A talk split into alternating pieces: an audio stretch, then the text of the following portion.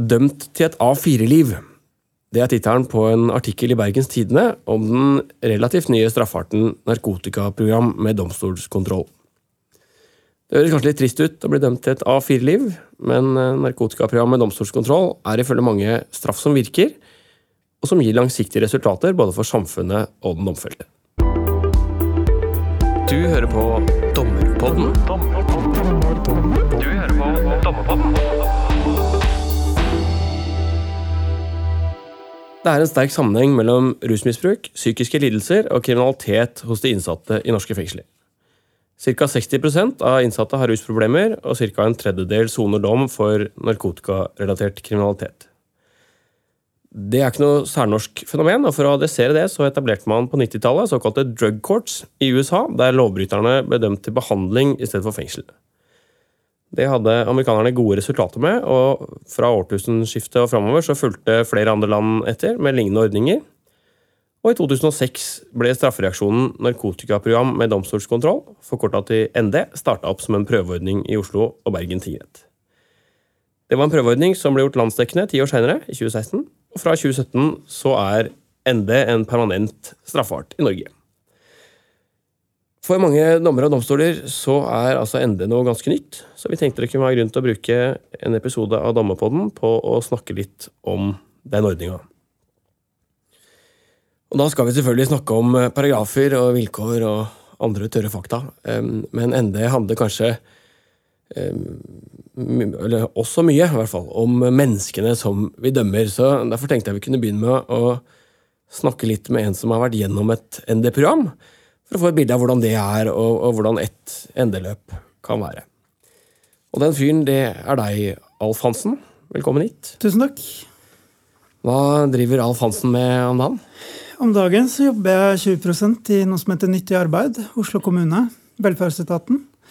Og har akkurat fått skoleplass på erfaringsskolen, så jeg driver og utdanner meg til å bli erfaringskonsulent. Hva, hva, er det? Erfaringskonsulent? Nei, det er jo at jeg skal bruke mine erfaringer som tidligere rusmisbruker og kriminell da, til å hjelpe andre til å ja, bli rusfri og kriminalitetsfri.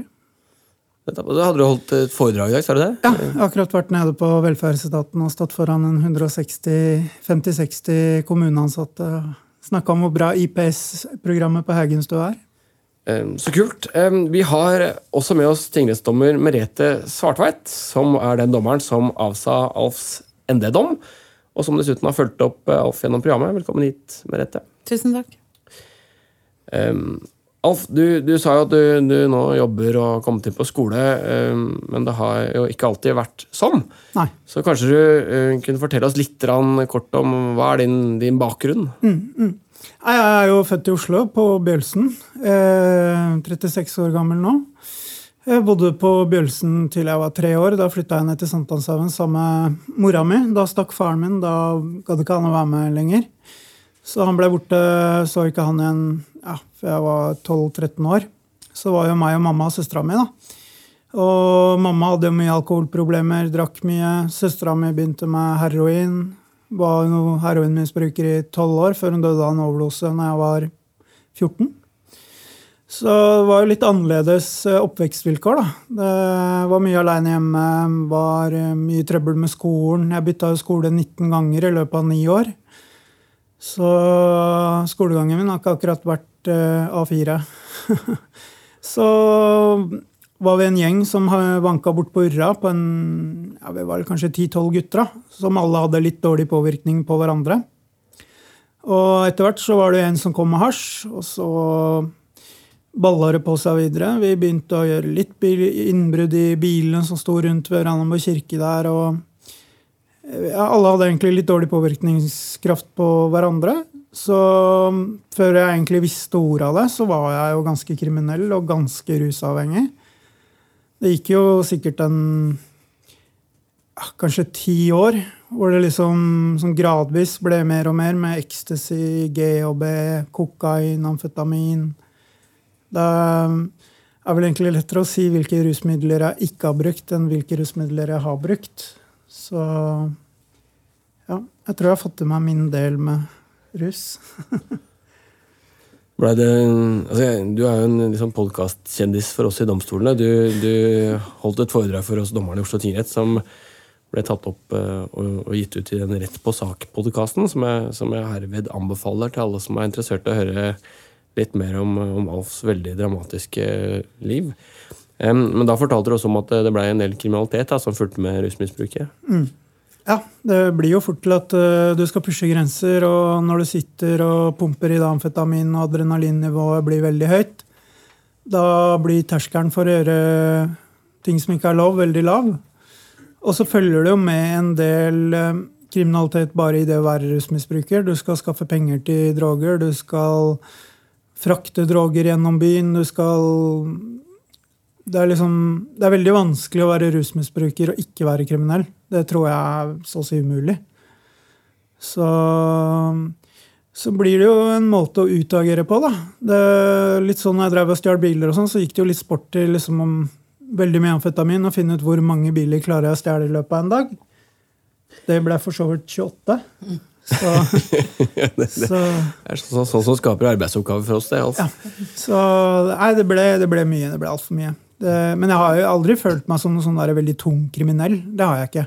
Jeg har mer vært en klønete junkie som har vært glad i å kjøre bil. Mm. Jeg har aldri vært noe torpedo eller noe drapsmann eller noe sånt noe. Så, I mine øyne da, så har det vært relativt mild kriminalitet. Men det ble jo en del kriminalitet som du også har fått noen dommer for? Ja. Opp igjennom, da. For da dere møttes, eh, så hadde dere en del dommer eh, på rullebladet, hadde dere ikke det, Alf? Eh, jo, det hadde jeg. Jeg hadde jo, vet ikke hvor mange det var når vi møttes første gang, men eh, 21. 21 ja. Mm. I Norge. I Norge, ja. Det var flere andre steder, skjønte jeg. Ja, er mm. To i Sverige òg. Mm. Um, ja, og så møtte du, møtte du Merete, som da var den dommeren som, som til slutt dømte deg til eh, ND, eller narkotikaprogrammet domstolskontroll. Kan du, fortelle litt, kan du fortelle litt om det? Ja. Det har jo først og fremst vært veldig hyggelig. Jeg føler at jeg har fått en ny venn. Det gjør jeg. Så nei, det var veldig kult eh, å føle at man blir sett av ikke minst en dommer. De andre 21 gangene før så har det jo liksom vært prosedyre inn, ut, inn, ut. Det har ikke vært noe oppfølging, da. Jeg har ikke liksom følt at den som satt oppe på hva man kaller det? Dommertårnet? Dommerbordet. Kanskje, kanskje ikke noe dårlig begrep, dommertårnet. Men... Nei. Jeg har liksom ikke følt at de har brydd seg noe sånn veldig mye. da. Det har mer vært liksom Hva er det man kaller det? Når ting bare går og går. Det har ikke vært noe sånn veldig oppfølging. Det har eh, vært eh... Så det, det, var veldig bra. Jeg følte jeg ble sett. og... Hva var det som skjedde? Jeg var jo ikke der. Ja, nei, altså Jeg var i retten, og så spurte Merete om jeg hadde hørt om ende ND-dom, eller ND. Mm. Og det sa jeg, det hadde jeg jo ikke. Eh, advokaten min tenkte vel at det ikke var noe vits i å snakke med meg om det. Ja, jeg forsto det sånn. Og du ja. var jo inne Altså, det var en enedommersak. Uh, en av seks-syv den dagen som jeg hadde. Og, uh, og siktelsen gjaldt en haug med bilinnbrudd, så vidt jeg husker. Og, og, at du var ute etter å finne ting i bilene som du kunne selge. Da for å finansiere. Det var sånn jeg oppfattet det. Det stemmer.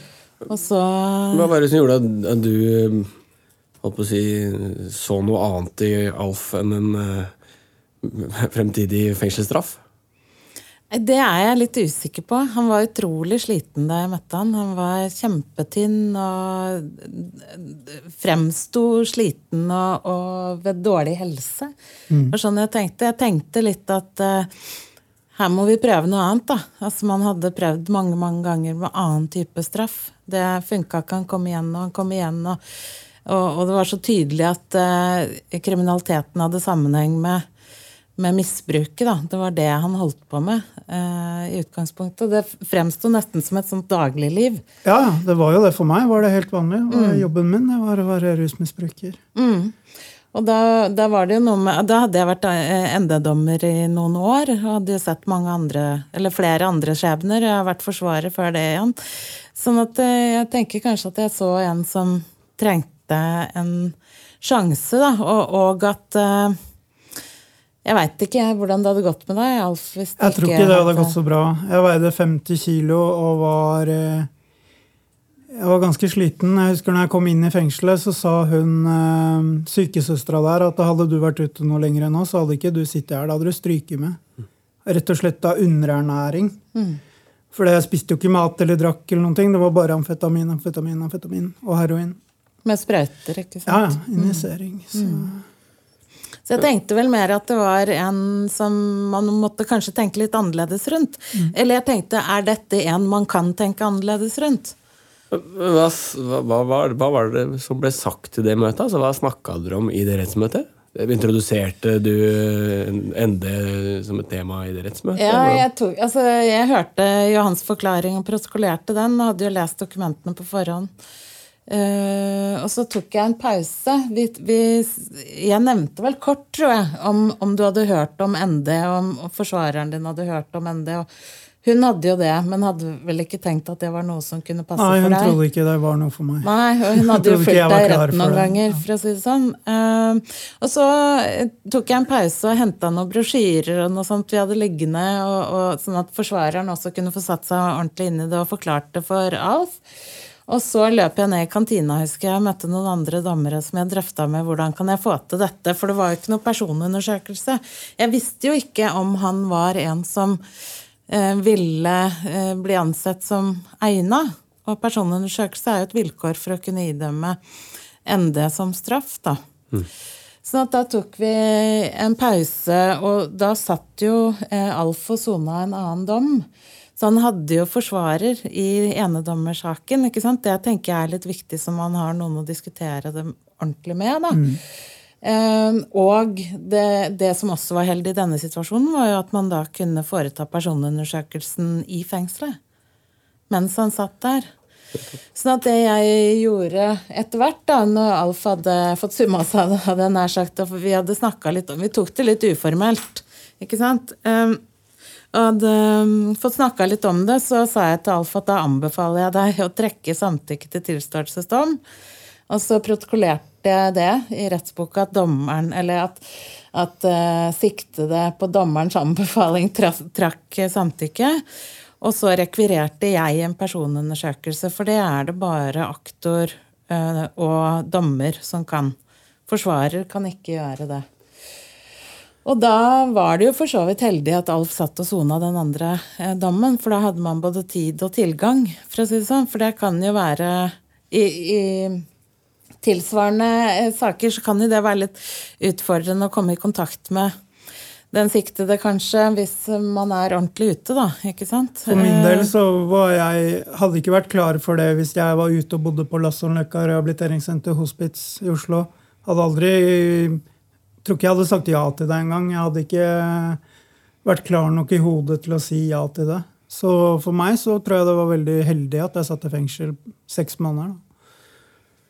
Hvordan var, for det, det var første gang du hørte om ND var i det rettsmøtet? Ja. Hvordan, hva tenkte du etter det rettsmøtet? egentlig? Jeg har jo tenkt mye på det etterpå. at det er, Vet ikke om jeg skal kalle det skjebne, eller hva jeg skal kalle det. det er jo, egentlig så blir jeg litt irritert på at det skal være så tilfeldig. Mm. Altså, Hvis ikke Merete hadde sagt liksom, hei, har du hørt om ND, så kan det hende jeg ikke hadde levd. Det er ganske sprøtt å tenke på. Men så blir det litt sånn eh, Hvor mye skal man legge i det? Det kan jo hende noen andre hadde sagt det. Så, eller at det hadde blitt nykter på en annen måte. Det kan man jo ikke vite. Men for meg der og da, så var det Det redda livet mitt der og da. Det gjorde det. Hva, var det, Denne personundersøkelsen, hva, hva, hvordan, hvordan var det for deg? Hva, det, hva består det i? Nei, Det var litt spesielt. da. Det kommer to eller tre fra kriminalomsorgen og besøker her fengsel, fengselet. Veldig hyggelige damer etter jeg ble kjent med dem. De så litt sånn ikke, De virka litt strenge til å begynne med, da. men det tror jeg de må være. Men eh, jeg syns den personundersøkelsen var helt grei. De kom og spurte masse og mm, Jeg liksom undersøkte om jeg hadde motivasjon for å bli nykter. Det er et intervju, liksom? Ja, en slags intervju over flere ganger. da. Og så snakker de jo med folk rundt meg, og Nav, eh, ruskonsulent hos Nav, eh, der jeg bodde, sånne ting. Og da sa de jo det at Eller de hadde spurt alle de da, om de syntes at jeg burde på behandling ut av byen eller i Oslo. Og da hadde alle sagt nei, han burde ut av byen. Og da ble, ble jeg litt fornærma, for å være helt ærlig. Jeg tenkte jo dette her klarer jo jeg her i byen. Det er ikke noe tvil om det. Men uh, i dag er jeg veldig glad for at uh, alle andre sa nei. Ja, for- Fortell litt, da. da så så avsier Merete dom på, på ND-program. Og da sitter du inne. Da sitter jeg inne i Oslo Og, fengsel. og da må du sone resten av den straffen går fra? Ja. Seks måneder. Ja, Det som skjedde, var jo egentlig at den personundersøkelsen kom, altså var klar helt i slutten av den straffen han satt og sona. Sånn at han hadde bare en uke eller to igjen da den kom inn tilbake til tingretten. Altså Personundersøkelsen som jeg hadde rekvirert når den kom tilbake, og man kunne gjenoppta på en måte den enedommersaken og få avsagt dom der. da. Og det som var veldig heldig for oss, for da fikk vi jo avsagt en ND-dom, og så var det noen fengselsbetjenter som sto klare til å kjøre Alf ut av byen på et behandlingsopplegg eh, inne i skauen, for å si det langt inne i skauen, langt fra Oslo. Umiddelbart da han ble løslatt fra den første eller den 21. dommen, for å si det sånn. Nettopp, Du hadde rett fra soning til rehabilitering. Hva, hva, hva slags program var det? Og var du med å bestemme sjæl hva slags program du skulle ha? Hvordan ble, hvordan Jeg opplever at det var ganske fritt. Det var liksom det som funka for meg. Det var bra, så lenge det var liksom organiserte former. da. Det var ikke sånn at Jeg bare kunne, jeg tror ikke jeg kunne flytta på en hytte aleine inn i skauen. Liksom. Så dette her var jo Oslo kommune. Eh, Synning om omsorgssenter. Eh, kom opp der og liksom et lite hus langt inne i skogen, og bussen gikk en eller to ganger om dagen. eh, Så det var vanskelig å komme seg derfra. Så hvis du skulle sprekke, eller noe sånt, så måtte du virkelig planlegge godt. Så Det Var det noe opplegg der, eller? det var jo mye sånn Du jobba litt på egen hånd, egentlig. Først og fremst så skulle jeg jo egentlig på Fredheim, et annet behandlingssted. Hvor det var litt mer sånn med psykologer og litt etteroppfølging. Men jeg trivdes så godt på Synningom. Jeg fikk en primærkontakt som het Unni, som var helt ekstremt rå. Hun, eh, hun har betydd veldig mye for meg. Så jeg trivdes så godt der at jeg søkte om å få bli der. Og det fikk jeg. Så jeg tror egentlig ikke jeg trengte noe sånn veldig aggressiv behandling. Jeg trengte mer det å komme meg vekk fra byen og komme på bedre tanker.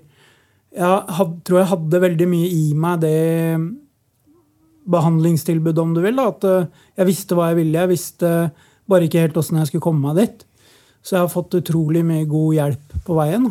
Men jeg har jo hele tiden hatt et eh, fast mål om at jeg har lyst til å bli rusfri. Det har jeg hatt i mange år. Men jeg har ikke fått muligheten til å gjennomføre før nå. Det, det sa jeg kanskje ikke, men den, denne endedommen den ble avsagt i, i 2016? var det sånn? Ja, og Hvor lenge var du i det programmet? Det var vel til august 2018. To år?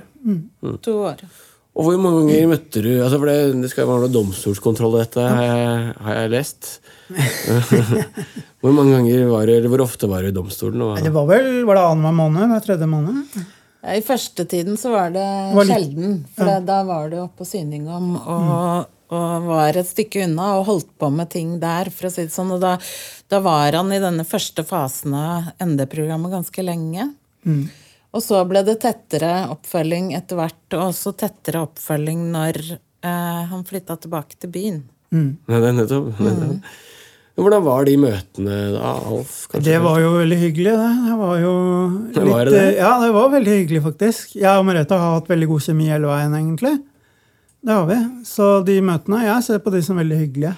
Men jeg tenker jo at møtene ble det Alf kaller hyggelige, også fordi progresjonen og gjennomføringen var så god. Ikke sant? Alt fungerte i Alf sitt tilfelle. Han var der han skulle være i henhold til vilkårene for dommen. Han gjorde det han skulle gjøre i forhold til helse, tenner, eh, annen, ikke sant? de oppfølgingstingene. Så det var, når vi møttes, så var det nærmest sånn, en sånn sjekkliste ikke sant? som vi går gjennom. Har du fylt opp de vilkårene vi har snakket om før? Og da var det sånn check, check, check, check, done. ikke sant? Men, men andre Jeg vet ikke om vi skal Ja, for dere snakker jo litt med Alf, men la oss snakke litt med deg også, Merete. Hvis, de som sprekker, da, som ikke får det til, ikke følger opp Ja. ordentlig, hva, hvordan er de møtene da? Er det sånn De er ikke alltid hyggelige, de, nei. Det er det ikke. Og, og, og innimellom så har vi jo statusmøter bare for altså, å skjerpe inn den domfelte, og nærmest gi advarsler om at hvis ikke gjennomføringen blir bedre, så vil eh, kriminalomsorgen begjære omgjøring til ubetinget fengsel. Eh, og hvor man går gjennom ulike problemområder eller forhold som domfelte ikke har fulgt opp. Eh, og kriminalomsorgen i Oslo, Oslo ND-senteret er relativt eh, gode, syns jeg, på å følge opp brudd. Mm.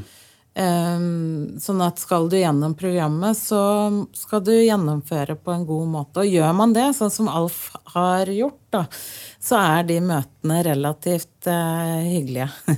Er det en rettssal? I en rettssal. Første møte er ikke i en rettssal, for det er ikke et rettsmøte. Det, da starter vi, da hilser vi. Jeg går gjennom hva eh, en dom på ND går ut på, hvordan oppfølgingen videre vil bli. Det er jo helt individuelt fra domfelt til domfelt hvordan det ser ut.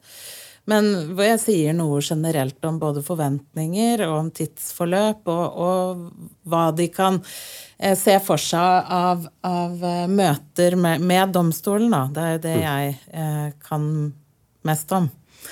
Eh, ja. Men du, Alf, altså for deg som tydeligvis liksom, fulgte opp dette og det gikk bra for, da, var det, var det noe poeng med den domstolskontrollen for deg? Ja, det var det jo. Det ga meg jo motivasjon til å gjøre det bra. Det gjorde det. Ja, det ga meg motivasjon til å holde det vi hadde avtalt, og, og jobbe på en god måte. Det, liksom, det var en slags Hvordan skal jeg forklare det? At uh, ja, Det var rett og slett en god motivasjon da, til å gjøre det vi hadde blitt enige om. Og jeg brukte det også som en unnskyldning på behandlinga der oppe. Så var det jo, var jo rus der av og til. Folk røyka hasj noen ganger. Spurte om jeg ville ha. Nei, du, jeg er på ND-dom, så det går ikke. Kan ikke det. Så jeg brukte det jo både som motivasjon og som en unnskyldning. Det blir en litt sånn annen eh, relasjon mellom skal vi si, brukeren og dommeren i de sakene her, høres ut som. Ja, for, for um, I ND-programmet så møter man jo samme dommeren gjennom hele prøvetiden. Uh, sånn at man møtes jo en fire, seks, åtte ganger i løpet av et par år. Og har jo historikken, og det som er spesielt med Alf sin sak, er jo at det også var jeg som avsa selve dommen på ND, i tillegg til å følge opp etterpå, da. Så vi har jo møttes eh, mye. Um, men man får jo en relasjon eh, med den domfelte og kjenner jo historikken relativt godt og kan stille de riktige spørsmålene, tenker jeg. Og jeg opplever for en del domfelte at det å komme til retten for kontroll nærmest er en sånn minieksamen. Altså oppleves som det. Mm. og få i Alfs tilfelle en god sensur, da.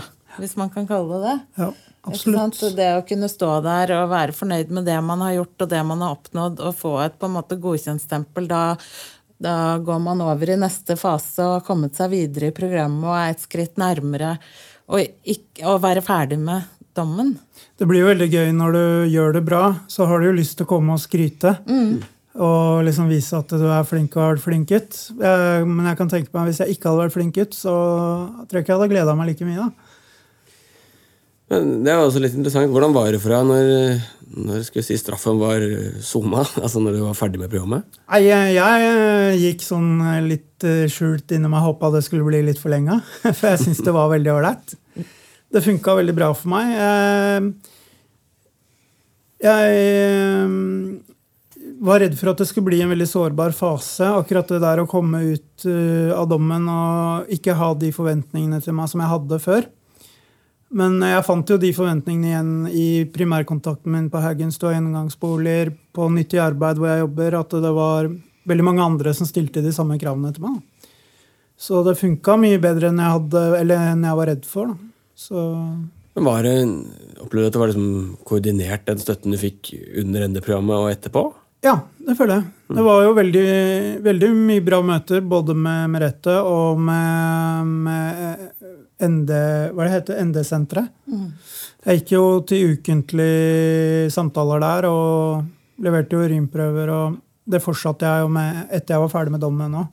Så det eneste som forandra seg, var at det sto på et papir at jeg var ferdig sona. Men inni hodet så fortsatte jeg bare. Ja, For du gjorde det som altså på eget initiativ, eget grep, etter at dommen var ferdig, fortsatte å levere urinprøver. Var det gjennom fastlegen, det? Eh, ja, Eller? gjennom fastlegen og Ja. fyrst. da. Og først, ja. For du gjorde også noen andre ting, husker jeg du fortalte om, i forhold til å ikke dra ned til Oslo sentrum. Kan du si litt om det? Ja, altså Når jeg skulle ned til byen, så unngår jeg jo Brugata liksom midt nede i Oslo sentrum så mye jeg kan. Uh, sånn som jeg var for med nyttig arbeid nede i Skien, på Tyrili der, for å snakke om hvor viktig nyttig arbeid har vært for meg. Så gikk jeg jo på Nationaltheatret istedenfor å gå på Oslo S. Så jeg gjør sånne småting for å Ikke fordi jeg nødvendigvis tror det hadde skjedd noe gærent hvis det hadde gått der, men hvis jeg ikke må, så er det ikke noe vits i å ta den sjansen. Så egentlig hele dagliglivet mitt går jo, er litt planlegging, men det er verdt det. Tror du du er ferdig med rus nå, eller? Altså illegal hvert iallfall. Ja, Det er vanskelig å si, da, men jeg tror det. Det er viktig å ikke bli høy på pæra og tenke liksom at eh, den jobben er gjort. For det, den verste jobben står igjen. Det er liksom de jeg vet ikke, 60 pluss åra jeg skal leve hvor jeg skal holde meg uten. Så jeg er jo veldig forsiktig. Jeg har prøvd å ta meg en øl, og sånn, men det er ikke noe for meg. Jeg har aldri vært noe glad i alkohol. Så, men jeg tenker jo det at eh, hverdagen min skal være rusfri. Det er det som er målet mitt. Det er det jeg jobber for, og det har gått bra nå i tre og et halvt år. så... Krysser fingra for det, Alf. Så tror jeg bare sier takk for at du tok deg tid til å komme og prate med oss. Takk for at jeg fikk være med.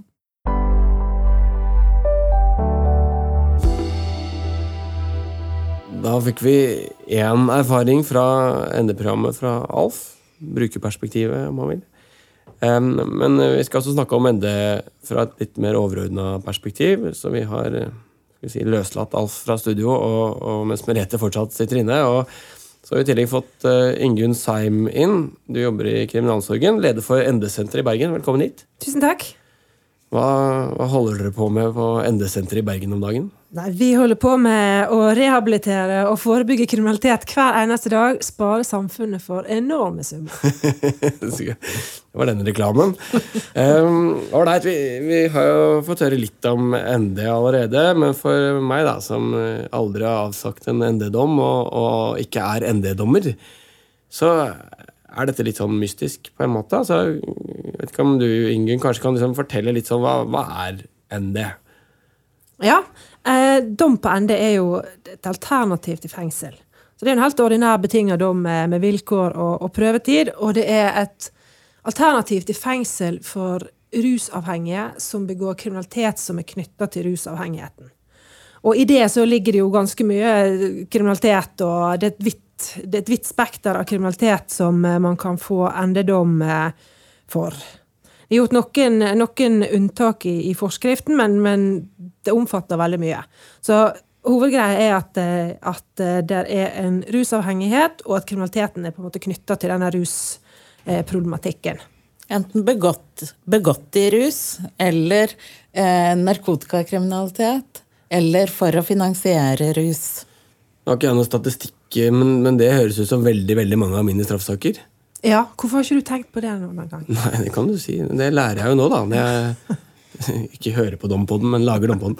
Men jeg eh, tenker jo også at det er utrolig viktig å få frem at eh, alle dommere kan avsi en endedom.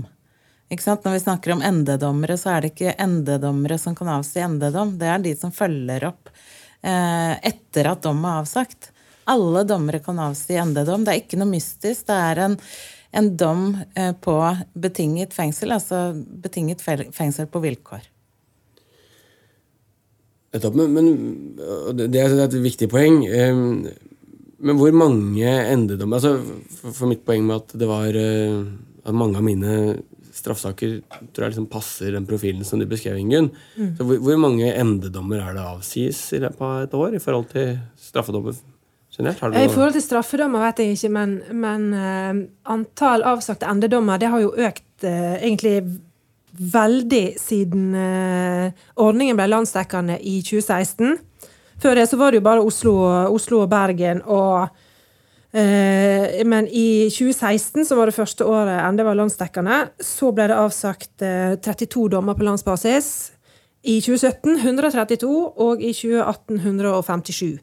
Sånn at det har vært en veldig økning i, i antall avsagte endedommer. Og det, det, er jo veldig positivt, for det betyr at uh, Det kan man få velge å tro at betyr at ordningen har er på vei til å befeste seg, og at det er uh, et, en alternativ straffereaksjon som både dommere og påtale og forsvarere har en bevissthet rundt å tenke, tenke på. Og så er nok potensialet ganske mye høyere. Jeg tror fremdeles det er litt sånn tilfeldig, tilfeldighetsprinsippet. Nettopp. Du Merete, sa at alle, alle, dommere kan avsi endedommer. Men hva er det som skal til? Du nevnte personundersøkelse. og Det er det da normalt påtalemyndigheten som ordner med, går ut fra? Ja, Utgangspunktet er at påtalemyndigheten ordner med personundersøkelse, og det er skal, eh, et skal-vilkår i loven. Det skal foreligge personundersøkelse. Ellers så kan ikke endedom avsies. Eh, og det betyr jo at den bør foreligge på tidspunkt for hovedforhandlingen, eller rettsmøtet. Ja, for Da blir man jo spilt litt i kårene, kanskje, hvis det ikke foreligger en personundersøkelse og man tenker at dette kanskje kunne vært aktuelt med en ND-dom? Ja, det blir man. Og det er altså bare påtale og domstol som kan rekvirere en sånn. Og det betyr at også dommerne må være mye mer på, da. Så mitt budskap til alle dommere er å tenke ende hvis de har fengslingssaker, f.eks. Gjengangere, eh, rusavhengige kriminelle som eh, er fengslet. Ehm, som kanskje har erkjent, og da kan man starte arbeidet med personundersøkelse allerede da. Be påtale om å innhente, eller innhente selv etter samtykke fra, fra den siktede, da. Eller når tiltalen kommer inn til domstolen, så bør en eller annen dommer gå gjennom tiltalen og tenke tanken. Er dette en som ser ut til å, å streve med rus og kriminalitet? Er det her eh, mulig eh, ende eh, kunne, kunne, vært aktuelt. Ta kontakt f.eks. med aktor eller forsvarer. Er dette et alternativ? Altså Være tidlig ute, sånn at ikke man sitter i hovedforhandlingen og spørsmålet stilles der. da. Og jo lenger siktelse, jo mer aktuell. Ja, det kan du si. det er ikke så veldig vanskelig å lese ut av en siktelse om her er rus og rør involvert. Hvis man prøver å ikke lage meg sånne historier når jeg leser tiltalen, men det er kanskje et poeng. Hva betyr altså det er rus, hva, hvor, hvor, tung rusmisbruket må være for å være aktuell for dette? her? Altså, det er ikke krav om at det er en, eh, en, diagnose på rusavhengighet. For det er jo ofte problem eh, i disse sakene her. At eh, det er personer som på en måte har eh, ikke blitt skikkelig fanga opp i systemet, og kanskje ikke vært lenge nok i, i behandlingssystemet til at diagnosen er satt. Eh, men det må jo være en, en, en rusavhengighet ut ifra at en ser at eh, altså, kriminaliteten er knytta opp mot uh, rus, og at uh, uh, Altså, det er problematisk rusbruk. Det ble gjort en, en, evaluering av ND i 2014 av Statens institutt for rusmiddelforskning, og han fant at med alle de han snakka med, så er er det et snitt på 15 års rusavhengighet hos de som er domfelt i ND. Så det er ganske, det er ikke rekreasjonsbrukerne. Det er ikke der det ikke er problematisk eh, rusbruk. Det, er, det her er jo folk som har store problemer i livet sitt som er knytta opp mot rus. Funker det, da? Altså, det det er, hvis, det er snakk om folk som har rusa seg i 15 år, så, så er det jo man tenke seg at det er ganske store, store rusutfordringer vi snakker om? Det er veldig store rusutfordringer det er snakk om. Og eh, det er òg et faktum at eh, i snitt så har de 15 dommer bak seg. Så det, jo, det med kriminalitet er jo òg en eh, tilleggsutfordring her. At, at, det er en veldig Det er folk som eh, til dels har en veldig sånn, kriminell livsstil. Og det òg er jo nesten en avhengighet for noen. Sant? Det å begå kriminalitet.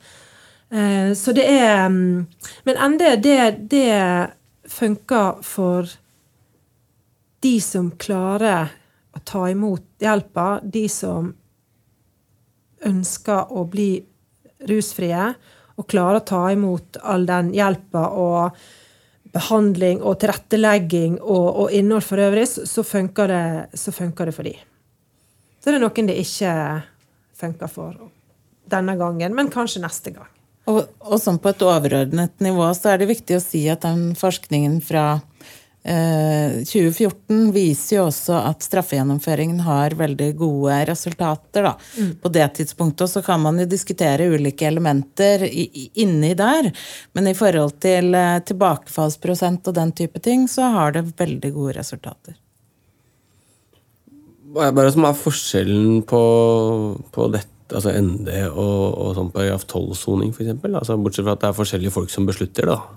Paragraf 12-soning er jo fengselsstraff. Det er en straffegjennomføringsform som det er kriminalomsorgen som eh, beslutter om du skal få når du har fått fengsel. ND er jo en, eh, en straffe, egen straffereaksjon. Så det, det er forskjellen. Altså, eh, så paragraf 12 det kan du få hvis du allikevel skal sitte i fengsel. Kan du søke om paragraf 12 og få eh, Hvis man har da Eh, en behandlingsplass i spesialisthelsetjenesten f.eks., så kan man få innvilga paragraf 12-soning.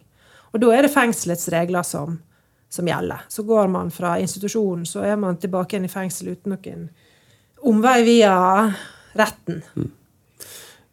Men man kunne Sånn som Alf beskrev sitt opplegg, så, så hørtes det ut som det var ja, ikke veldig mye, men det var formelt sett en frihetsberøvelse, så, så var han jo ganske isolert og, og, og utafor samfunnet, egentlig. Mm.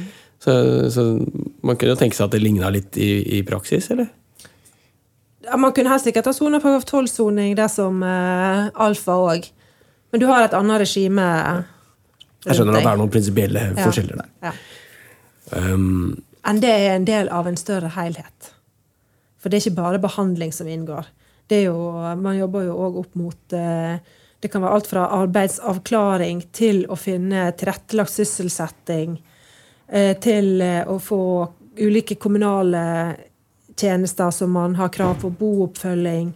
Det kan være Gjeldsoppfølging. Gjeldsoppfølging. Kjempeutfordring. Mm. Og Helse. opplæring.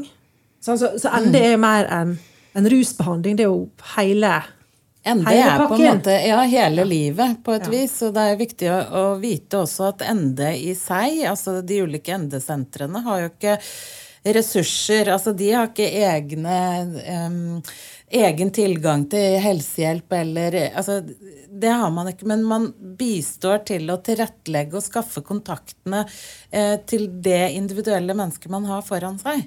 Hva er det dette mennesket trenger bistand til for å ha, være et skritt nærmere å bli rusfri?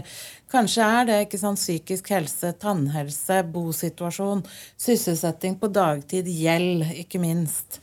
Eh, ta lappen for å komme i arbeid. Altså, hva er det dette mennesket trenger? Hva må dette mennesket jobbe med for eh, å være gå skritt for skritt mot en rusfri tilværelse? da? Man har jo veldig mange rettigheter i, eh, i Norge, sant? både for det som går på eh, fysisk, psykisk helse og rusbehandling, altså innenfor spesialisthelsetjenesten. Man har rettigheter etter kommunal, kommunalhelsetjenesteloven, og man har rettigheter etter opplæringsloven, og man har rett til økonomisk stønad. Men det som ofte er vanskelig for, for de som eh, soner i endedom, er å kunne klare å nytte seg, nyttiggjøre seg av det. Klare å på en måte få tatt ut potensialet i, i det som, den hjelpa som faktisk er der.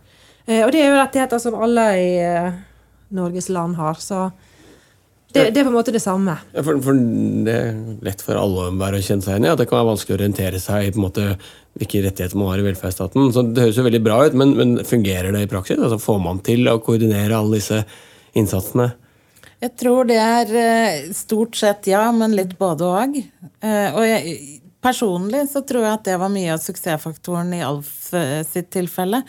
At alle jobbet sammen og dro i samme retning til samme tid. Og sto der på en måte og tok over etter hverandre eh, når, når løpet var lagt. Eh, han fikk f.eks. etter at han var på Syningom på denne institusjonen, så fikk han en overgangsbolig i Oslo. Og det fikk han lov til å ha samtidig, så han kunne dra tilbake til institusjonen en stund og bo litt alene i noen dager hvis han hadde behov for det. Ikke sant? Det er noe med at alle instanser da trekker samtidig i samme retning, og det er ikke så lett. Og et av disse møtene vi hadde i retten med Alf, der var hele ansvarsgruppen hans med. Og det var også litt for at uh, Hvor mange er det i en sånn ansvarsgruppe? Der var det seks, sju, åtte, tror jeg.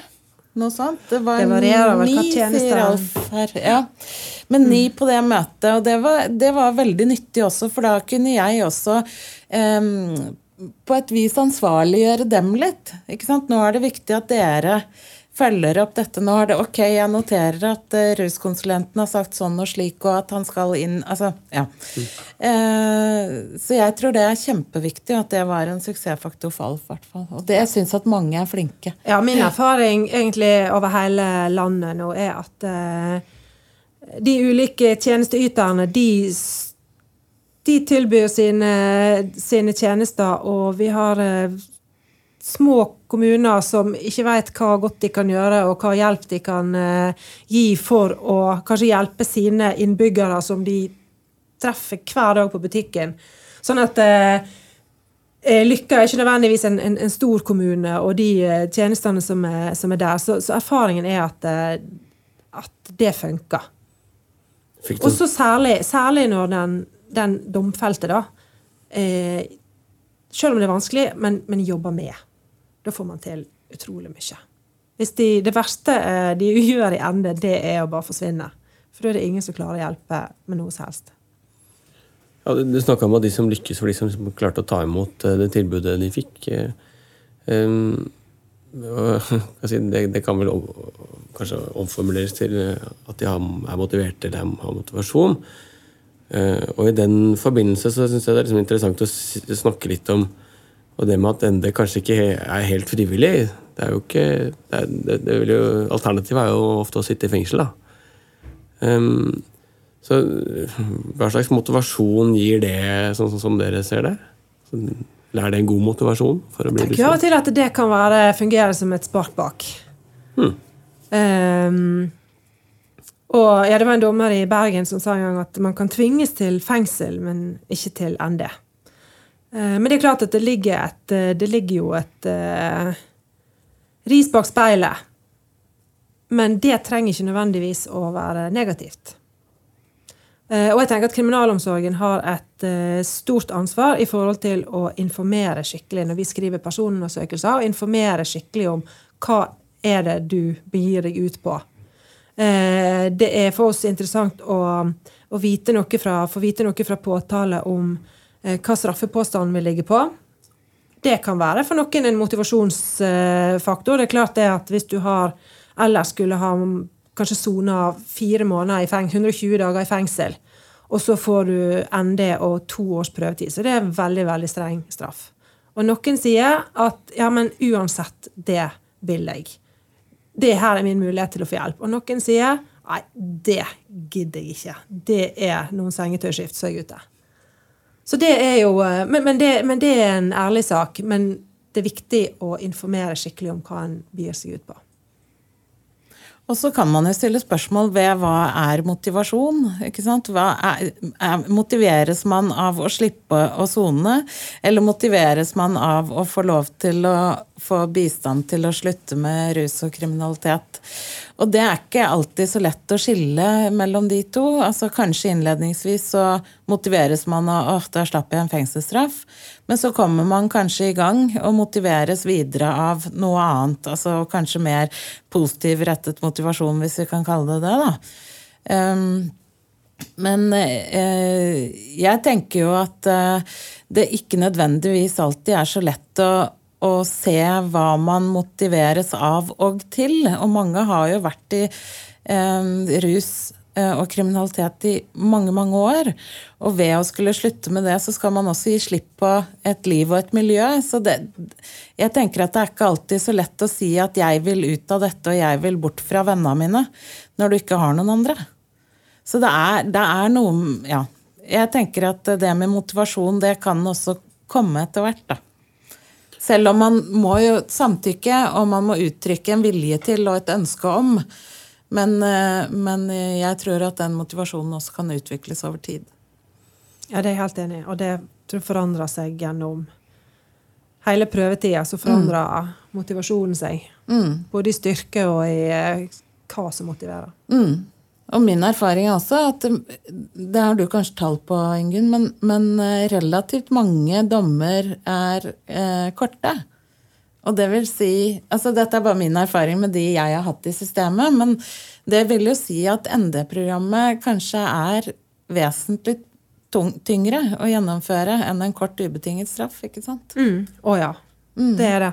Um, når det gjelder det, så um, er det en del ganske korte dommer, men så er det òg en del ganske lange dommer. Mm. Sånn at jeg har sett på snittet på hele landet, da, uh, så er, er, det et snitt på ett år og én måned. Altså, hadde man ikke fått ND, så hadde, hadde fengselsstraffen vært på ett år og én måned. Så det sier jo òg noe om at uh, det er jo eh, ND er jo ikke et alternativ til ingenting. Det er jo et reelt alternativ til, til fengsel. Dette her er jo ikke Man har jo ikke sluppet straff, eller Det er jo ikke for bruk og besittelse vi snakker om. Vi snakker om ganske alvorlig kriminalitet som, som um, hadde gitt en del fengselsstraff. Mm. I forlengelse av dette med motivasjon, er liksom muligheten for å lykkes et element i vurderinga om man skal få endestraff eller ikke? Det, altså det, jeg tenker på er, Kan man liksom være så tung rusmisbruker at man ikke får det fordi man ikke tror det kommer til å gå? Da kommer det mer an på hva er det av opplegg å få til. Av innhold og opplegg å få til rundt den enkelte. Hvis ikke så blir det å se inn i spåkula og tenke at uh, det er ingen som sannsynligvis uh, Hvis det er 85 sjanse for å havne tilbake igjen i fengsel, minst, så er det i hvert fall mye mindre sjanse for å ja, men jeg syns heller ikke at man skal eh, gi opp på det grunnlaget. Altså hvem som eh, kan komme ut eh, på to bein etter gjennomført ende, det tror jeg er veldig vanskelig for, for noen å si noe om. Eh, og jeg er ikke sikker på om jeg var hellig overbevist om at Alf skulle komme ut på den måten han har gjort heller. Eh, men å, å, undersøke om vedkommende er egnet, og kanskje gi muligheten til å forsøke, eh, tenker jeg at man i hvert fall må ha med seg når man jobber i rettsvesenet, enten på påtale eller eh, domstol. Um, ja, Det som er så fantastisk, er at man stadig vekk blir eh, overraska. Ja, man blir jo Positivt overraska. Er det er like fantastisk hver gang. Ja, det er jo det. Og jeg tenker at det er så mange aspekter ved det. Både samfunnsøkonomisk, altså hvis vi skal snakke litt sånn kjølige fakta, liksom. Men, men, ikke minst personlige og ringvirkninger rundt den ene som kommer ut på to bein. Da. Altså, for å snakke om liksom, hovedpersonen i mitt liv, nemlig meg, så er det sånn at eh, jeg ville jo blitt veldig glad hvis jeg kunne gjøre noe som var litt mer positivt enn å hive folk i fengsel hele tida, selv om det åpenbart er nødvendig i noen tilfeller. Og da er det jo viktig å kunne ha det riset bak speilet som ubetinget fengsel er. ikke sant? Den mm. betingede dommen på vilkår. altså Går det ikke, så, så meldes det brudd. Og da blir det en omgjøringssak i retten, og da skal man i utgangspunktet sone det resterende forholdsmessige. I forlengelsen av, av dette med meg mm. Får den dommeren som avsier endedommen, vite hvordan det går? Og så får man tilbakemelding på Sånn som man gjør når man dømmer noen til samfunnsstraff, f.eks. Så får man beskjed om, om, om det har vært brudd og sånn. Åssen vet dere det? Det er ikke noe system for det. Eh, det har jo så lange prøvetider at den dommerfullmektigen som har så dommen, har sikkert slutta og begynt i vet påtalemyndigheten for lenge siden. Eh, så det, det, er ikke noe system for at den som har avsagt dom, får vite hvordan eh, men det syns jeg det skal bli. Ja, Det kan godt hende. Mm, for ofte når jeg får disse fra kriminalomsorgen om at NN har gjennomført samfunnsstraff som du idømte for to år siden, som ikke jeg husker, så går jeg tilbake og ser hva var det hva var begrunnelsen? Hva tenkte jeg? Og, og Å ja, det gikk. Ikke sant? Eller mm. oi. Så det tenker jeg at vi bør innføre som sånn system. Det kan jo gi en motivasjon for dommerne til å ja. dømme igjen. Ja. Um, og, og, um, da er det altså sånn at alle kan dømme til ND-program, men ikke alle følger opp. Og, og, hvem er disse ND-dommerne, og hva slags bakgrunn har de, og, og hva er det egentlig de gjør? Nå har vi, um, I forbindelse med at ND ble landsdekkende, så er det 14 domstoler som er plukka ut til å ha det oppfølgingsansvaret. Uh, det er de domstolene som har hovedkontor der som friomsorgen i kriminalomsorgen har hovedkontor. Uh, og der er det plukka ut um, erfarne dommere i alle de 14 tingrettene. Så det er dommere, det er vel ingen dommerfullmektiger. Det er dommere som har sett mye og eh, kanskje litt eh, Har ikke rundere i kantene enn eh, Du, du må på en måte tørre å se eh, personen, og ikke Hvis man bare skal være opphengt i, i paragrafer, da, da, da hadde vi ingen. I Oslo så har vi hatt noen prosesser med, eh, altså hvor man kan søke. Eh, melde interesse for å være ND-dommer. Nå husker jeg ikke hvor mange vi er. En åtte stykker, kanskje. Av eh, rundt 100. Eh, og da har vi meldt interesse for å være ND-dommere. Eh, og hvilken bakgrunn vi da har, er ymse. Det er forskjellig. Noen av oss har bakgrunn fra politiet, og andre fra forsvarersiden, og noen fra forvaltningen. Og, altså, det er ikke noe entydig, og det tror jeg er bra. Men, men eh, alle har ønsket selv å være det. Det tenker jeg er litt viktig, at man har interesse eh, Dommerne må for være det. motiverte. Ja, dommerne må være motiverte òg, ja. Um, hva, men hva, hvilken funksjon har liksom dommeren i det behandlingsløpet? Altså, hva, hva er dommerens rolle der? Kan du si noe om det? Kanskje deg, Merete, som Ja. er denne dommer? Ja, altså Dommerens rolle er litt som eh, Alf og jeg snakka om da vi møttes. altså Man går gjennom de vilkårene som er satt for gjennomføringen av den fasen som domfelte er i der og da, og kontrollerer at det er gjennomført eller påbegynt, eller hvorfor ikke. Eh, og det dommeren har et ansvar for, særlig ansvar for, det er jo å sjekke om dette er en straffegjennomføring i tråd med det som er besluttet. Eh, og det man kan gjøre, er jo å sette tilleggsvilkår hvis man mener det er nødvendig. Man kan utvide prøvetid hvis det er nødvendig. Man kan eh, si at dette er gjennomført og godt nok, og, og over i neste fase, altså på begjæringer fra kriminalomsorgen. Da. Så man har en ganske aktiv for så vidt funksjon, litt avhengig av hvordan det går med domfelte gjennom programmet. Eh, Men det jeg også har gjort noen ganger, er jo å si til kriminalomsorgen at her mener jeg at dere må ha stikkprøvekontroller på andre typer rusmidler, f.eks. Her vil jeg ha en oversikt over eh, altså det ene eller det andre.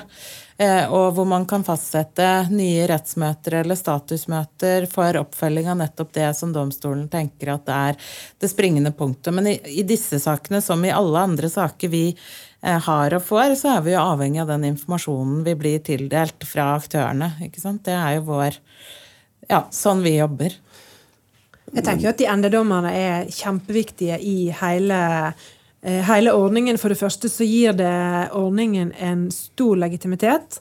Jeg tror at eh, altså La oss si at eh, Alf med sine 21 dommer eh, kanskje aldri hadde påtale hadde aldri tenkt på eh, ND i det hele tatt, kanskje ikke domstolen heller, hvis det ikke var for at eh, ok, alternativet til fengsel er faktisk at det blir kontrollert hele veien. Eh, og som Merete sier, at dommerne gir jo tilbakemeldinger både til den domfelte, men òg til kriminalomsorgen. Så det er jo en, eh, det er jo en viktig, det er viktige milepæler, og, og kanskje de statusmøtene er jo vel så mye domstolskontroll i som eh, eh, faseoverganger der det, der det foreligger en begjæring. Men i, men i de statusmøtene så kan en jo virkelig sette eh, hva skal veien videre være. Eh, og i forhold til at Alf sa at det var så hyggelig på disse møtene, så har jeg også fått tilbakemeldinger om at det ikke har vært så hyggelig. altså fra andre. Sånn at det er ikke sånn at man sitter og klapper hverandre på, på skuldrene og, og går videre, på en måte. Det er reelle um, prøvinger av hvordan uh, dette har vært fulgt opp i den perioden som man har hatt sin siste. Ja, og jeg har vært med dommere som har gitt så klar beskjed til domfelte at eh, de har vært litt sånn skjelven etterpå og sagt jeg skal aldri tilbake i retten hvis ikke jeg har noe, nytt, noe godt å komme med, for dette var så flaut. sånn at det, det, er, det, er, er bare, det er ikke bare hyggelig. Eh, og det som, det som skjer i retten, det er jo en formell ramme rundt det. og eh, Kriminalomsorgen er jo opptatt av å være en profesjonell aktør i eh, i retten. Så vi møter med jurister fra kriminalomsorgen som skal, skal møte, en skal på en måte følge en sånn Det skal være en, en god prosess, og det skal være ordentlig, det som, eh, det som skjer der. Og så tror jeg det er veldig viktig at det er samme dommer som eh, møter domfelte hver gang man er i retten, i den grad det er mulig. Men det er regelen, ikke sant? Jo, jo, det er det, men det er jo litt spesielt. Ikke sant, det også. Eh, dere har vært innom det, tror jeg, men helt til slutt bare, Hva er det som skjer i praksis ved vilkårsbrudd? Altså, bli, hvor, hvor, mange sjanser får man? Hvordan, hvordan, hvordan, blir det? Det kommer vel an på hva, hva type vilkårsbrudd det er, og hvor alvorlig det er. Eh, det er jo aldri sånn at eh, en plutselig sitter bak lås og slå igjen. Kriminalomsorgen har anledning til å både gi advarsler, men òg prøve å sette inn hjelpetiltak. Det er jo det som er poenget. Ok, Man konstaterer brudd, men man, man prøver jo å avhjelpe. Er det f.eks. nødvendig å henvise til avrusing? At det kan avhjelpe? Eh, eller kan en sette inn andre tiltak? Ehm, men når det blir gjentatt og alvorlig, da må vi sende begjæring til retten. Og da har det som regel vært, eh, vært et tema i et statusmøte tidligere. Så det, det er ikke noe som kommer som noe sånn lyn fra klar himmel på det går, å, det går, an å, snuble. Det går, det går, an å snuble. Og det kommer jo an på hvor i prosessen ja. man er. Altså, jo tidligere i prosessen, jo altså, litt større takhøyde har man da. Er det langtkommende narkomane som har vært narkomane i 15 år, sånn som statistikken sier, så er det nesten ikke til å unngå at man har en sprekk eller to. I hvert fall tidlig, men det skal ikke komme helt opp mot eh, eh to års prøvetid. Ikke sant? Man skal se en utvikling. man skal ja. Sånn at det kommer jo både, Men når det gjelder kriminalitet, ny kriminalitet, så er det ganske beinhardt. Det er min mm. erfaring. i hvert fall. Ny kriminalitet eh, hvor man er formelt uh, siktet, det er ikke greit innafor programmet. Og så finnes det eksempel på at uh, man har fått en ny sjanse, men, men det kommer jo an på en helhetsvurdering. Fint. Jeg lurer på om vi sier strek, eller setter strek etter det, kanskje, der. Eh, Ingunn og Merete, tusen takk for at dere tok dere tid til å prate med oss. Tusen, tusen takk. Det var det vi hadde i dag. Eh, hvis du er interessert i å høre mer om Alf, så kan jeg nok en gang anbefale denne episoden av podkasten Rett på sak, der Alf forteller om seg sjæl og, og sin, eh, sin, bakgrunn, som er både sterk og morsom. Og, og han har også eh, Aftenposten har også laget en, en artikkel om han og Merete som eh, ble utgitt 22.12.2018. Takk for at du hørte på. Mitt navn er Ola Berg Lande, som sammen med Ragnar Lindefjell og Kaspar Nygaard Thommessen er Dommepod-redaksjonen. Du har hørt på Dommepodden.